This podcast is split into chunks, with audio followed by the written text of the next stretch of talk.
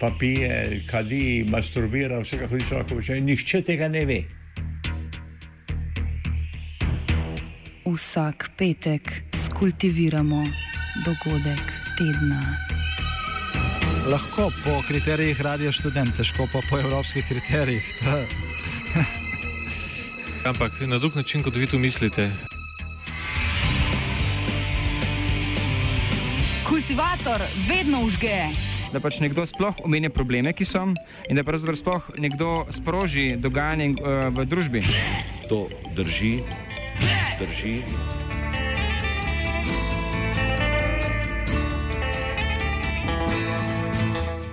Borba z vetrovi. V Lendavi je občanom dokončno prekipelo zaradi neprijetnih vonjav, ki se že več let širijo iz bioplinarne Lendava. Včeraj se je namreč iztekel rok, do katerega naj bi podjetje Ekos, ki upravlja bioplinarno, ustavilo izpust neprijetnih vonjav v okolje, kar podjetju ni uspelo. Civilna inicijativa, združena pod imenom Dovolj smradu, je tako včeraj pripravila protestni shod pred prostori bioplinarne, na katerem se je zbralo približno 300 oseb. Večmesečna prizadevanja okoliškega prebivalstva pa niso izjema. Prizadevanja za vzpostavitev zakonodaje, ki bi prebivalce lahko ščitila pred neznosnimi ponjavami v njihovem bivalnem okolju v Sloveniji, trajajo že dve desetletji. Država namreč ne poseduje mehanizma, ki bi lahko na objektivni ravni utemeljil neznosno raven neprijetnih vonjav v bivanskem okolju.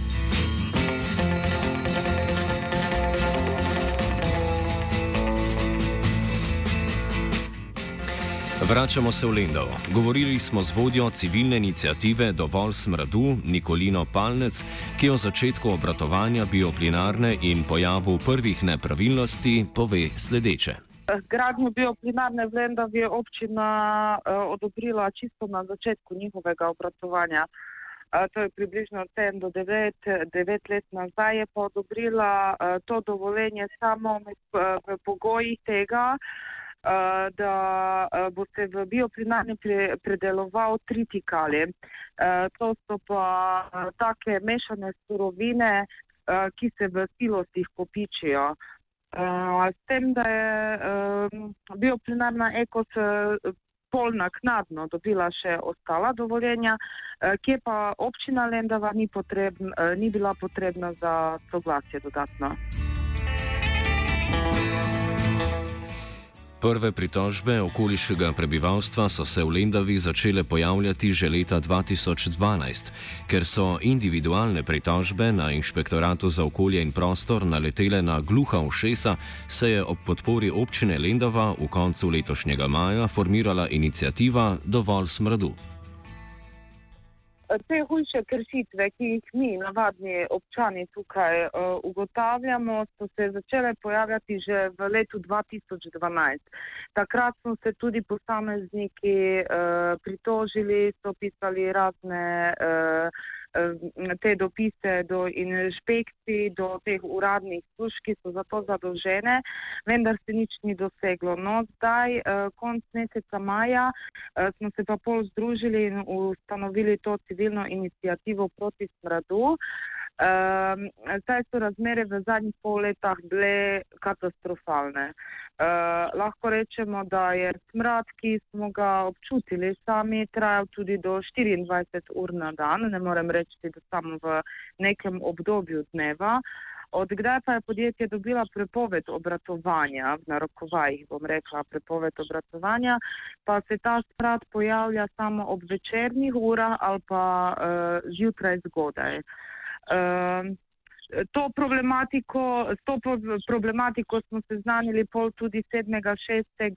Uh, vse pristojne organe, držav, državno inšpektorat za okolje in prostor, zeleni telefon Lendava, občino, občinski inšpektorat. Z strani občine moram reči, da smo res dobili podporo, podporo. V bistvu nas je tudi sama občina prosila za podporo njih v tem primeru, ker sami ne bi zmogli. Z strani države pa smo naleteli na organ Movka. Nobena, ne ARSO, ne inšpektorat za okolje in prostor, noben se ni odzval. Vsi samo podaljšujejo roke, prihaja do izrednih pregledov v podjetju, bile so ugotovljene hude kršitve. In kljub temu še vedno niso odzeli dovoljenja poslovanja podjetju. Včeraj se je iztekel rok, do katerega naj bi bioplinarna Ekos odpravila izpust neprijetnih vonjav. Kot opozarja Palnec, so to v zadnjem času zgolj omejili na zgodnje jutranje in večerne ure. Tako so trenutna prizadevanja usmerjena v popolno prekinitev delovanja bioplinarne. Predhodno se, kot doda Palnec, niso zauzemali za zaprtje podjetja, zdaj pa na pobudo občine to izpostavljajo kot osrednjo zahtevo. O trenutnem poteku dogodkov in pričakovanjih dodaja naslednje. E, iztekel se je ta rok, 15-dnevni, ki ga je dobilo podjetje Ekos. E, zdaj še papirje, še niso papirje e, pravnomočni, še nimamo, še nimamo nobenega papira črno na belem, kaj bo država v tem primeru storila. Smo pa pol na občini je bil izveden občinski, občinska seja. Eh, prišli so vsi občinski svetniki, eh, kjer se je tudi po šesti točki dnevnega reda reševala ta problematika ekosa. Eh, z naše strani civilne inicijative smo tudi dali predloge, da pride do nemudnega takošnjega zaprtja objekta, popolne sanacije strani države in preprečitev nadaljnega obratovanja. E, moram povedati, da so čisto vsi e, svetniki občinski sprejeli eh, ta predlog, e, tudi sami so bili pobudniki teh predlogov, e, tako da zdaj vse, kaj čakamo, čakamo na ARSO. ARSO je tisti, ki bo nam dal piko na i in edini, ki lahko prepreči nadaljno katastrofo v našem okolju.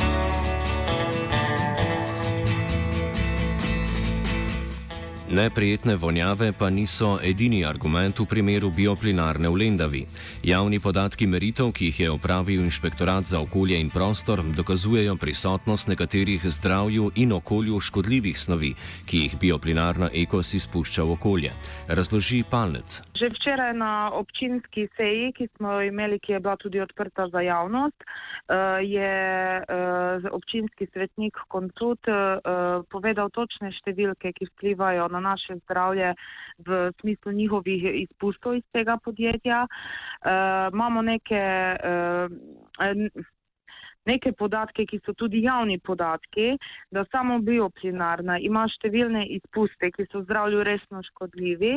Mi smo jih navedli tri, to je žveplov oksid, ki je strupen plin, ki poškoduje žrelnico, dušikov oksid, ki je toksični plin in formaldehid, ki je uvrščen med največje povzročitelje raka in alergij. E, številke, ki jih je navedel gospod Koncut, so res e, alarmantne številke. E, sicer so tudi številke javnega tipa, moram povedati, da so bile ugotovljene že leta 2013, če se ne motim.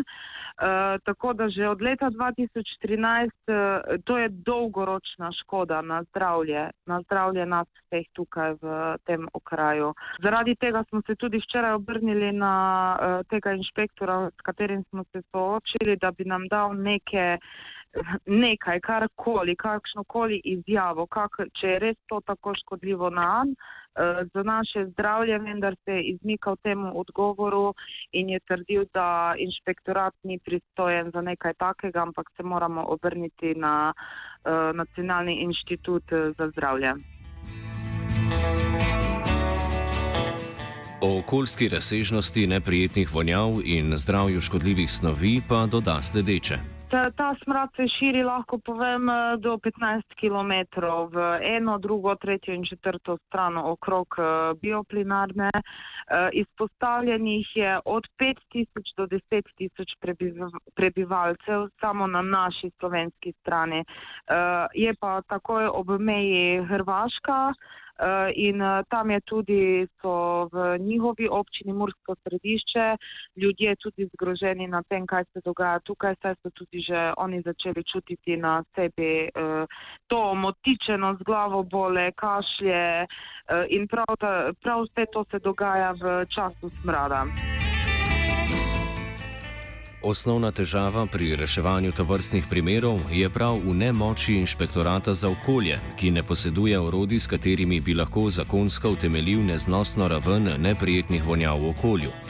Več o težavah zakonodaje na omenjenem področju in nejasnosti kriterijev za ocenjevanje ravni neprijetnih vonjav pove ekolog Boris Kolar, ki je v lanskem letu deloval kot vodja projekta za določitev strokovne podlage novi zakonodaji neke zakonodaje do, doslej uh, nismo imeli v Sloveniji, poleg tega pa tudi v, Evrops, v Evropski uniji ni nekih takih uh, zelo praktičnih nekih usmeritev.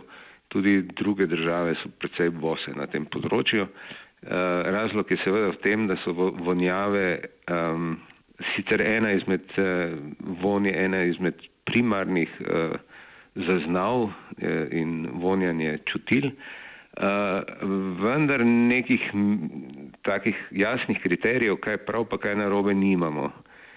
Uh, kar pa ne pomeni, da vonjave niso problem. Ne? Vonjave po definiciji sicer niso strupene, neprijetne vonjave, govorimo seveda. Ne?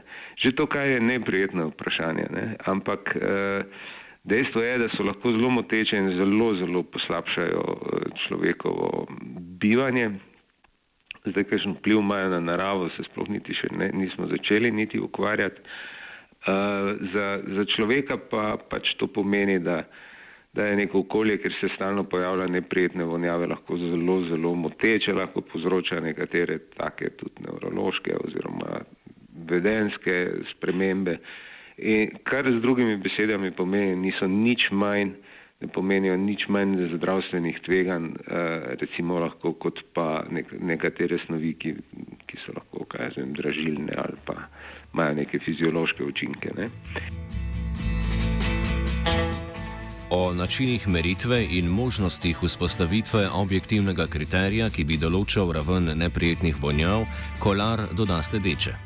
Mi znamo kar dobro zmeriti vonjave takrat, kadar imamo eno, en, en dimnik, recimo eno cel, katero teče, skozi katero teče uh, smrdljiv ali smrdljiv zrak, odpaden zrak mu rečemo, in tam vzamemo vzorec ven in potem ga nesemo na olfaktometer, ki je v bistvu en razrečevalnik in ga potem uh, tolikokrat rečemo, oziroma začnemo v bistvu z zelo velikimi rečitvami in potem gledamo, kdaj ga prvič lahko zaznamo, koliko krat ga je treba rečiti, da prijemo do tega prava, praga zaznavanja. To znamo tudi kar dobro narediti. Ne? Se pravi, vzamemo en vzorec, v ene take posebne vreče se to vzame se in se določi, koliko krat je to ta zrak treba razrečiti, da pridemo do meje zaznavanja. To znamo kar vredno narediti. Zdaj, največji problem je pa tam, kjer je tudi najbolj pogosto problem. To je zaznavanje smradov v okoliškem zraku. In to je pa, če hodimo po cesti in nekaj zavohamo, eh, zdaj kako to opredeliti. Namreč stvar je v tem, ne, da je ta okoliški zrak ni v, v neki steklenici, v nekem kubičnem metru ali litru ali kilah, ampak je, so te molekule razpošene po, po celem tem našem okolju in so zelo odvisne od tega, kako se zrak giblje, se pravi od nekih vetrov, od temperature, od ogromno nekih dejavnikov in je to zelo, zelo težko določiti zdaj, kaj, kaj pa je zdaj tisto, kar je spremljivo, je pa spet drugo. Kolar izpostavi, da ne glede na nejasno določene kriterije pri meritvah neprijetnih vonjav na območju Evropske unije, obstajajo zanesljivejši modeli. Slednji se izvajajo v daljšem časovnem obdobju in so posledično tudi dražji. Predlaga, da bi se posluževali vzorčnega modela, ki bi temeljil na pritožbah prebivalcev. To je predlagal tudi v izvedeni oziroma izvedeni strokovni, kvajtu, v izvedeni strokovni podlagi za novo zakonodajo, ki jo je Ministrstvo za okolje in prostor zavrnilo. Nemci so uh, pripravili eno metodo, kjer uh, recimo 10 ali pa 12 vzorčevalcev pol leta špancira v okolici nekega vira smradov od jutra do večera v nekih časovnih intervalih in si zapisuje, ali smrdi ali ne. To metodo smo uporabili v Mariboru dvakrat v okolici de, de, deponij uh, in smo prišli do zelo, zelo zanesljivih rezultatov in uh, krasnih rezultatov. Edini problem je, da to danes stane grozljivo dosti in ponovadi ni potrpljenja čakati pol leta. Namreč tem pol leta smo, smo prišli iz zime v poletje, iz hladnega vremena v toplo vreme, vse klimatske razmere, vse, vse živo in, in smo dobili recimo par tisoč meritev, takih individualnih in to je bilo krasno. No? Ampak ta metoda je zelo, zelo nepraktična. Zdaj, uh, moj, moj predlog je, da, da, da se vzpostavi sistem pritožb. Uh, danes imajo ljudje pametne telefone uh, in kadar smrdi, uh, se oziroma najprej je treba dogovoriti, ne, na kakšnem območju se bo to merilo in v koliko časa se bo to merilo. In v tistem času preprosto spremljati pritožbe. In temu jaz pravim sistem pritožb. V pritožbe uh, zgledajo tako, da tisti, ki, ki je prizadet, ki mu smrdi, pošle iz svojega pametnega telefona na neko določeno številko naprej dogovorjeno in, in skomunicirano uh,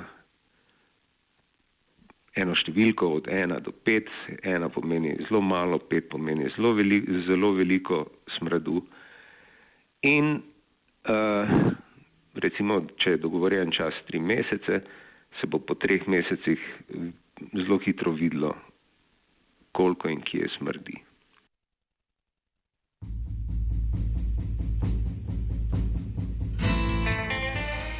Interes po iskanju učinkovite in objektivne metode, ki bi določala previsoko raven neprijetnih vonjav v bivanskem okolju, se v obliki javnih razprav in pozivov pojavlja že od leta 1999. Medtem ko si Ministrstvo za okolje in prostor že vsaj leto dni prizadeva za vzpostavitev meritvene metode, ki bi temeljila na merskem instrumentu, Kolar za konec opozarja, da pri tem ne smemo pozabiti na verodostojnost naših osnovnih čutil. Jaz mislim, ne, da, da ljudem, ki trdijo, da smrdi in tam živijo, je treba verjeti. In ni treba ne vem kako velikanskih meritev in stroškov za to uh, porabljati. Zato preprosto, da bi dokazali nekaj, kar ljudje tam vejo. Seveda, mora biti ena poblaščena inštitucija, nekdo, ki se s tem profesionalno ukvarja, ki to zna, ki ima, ki ima neko strokovno zaupanje da te stvari uvrednoti. Ampak dejstvo, da, da, da nekemu, nekemu naselju vsemu tam smrdi, nima smisla oporekati, ker preprosto uh, ne verjamemo, da je na, naš nos najboljši inštrument uh, in hočemo to z, z neko mašino narediti, ki bo vrgla ven uh, 25 številk, ki se bo pol vsak posebej razlagal. Kultivator je pripravil žiga.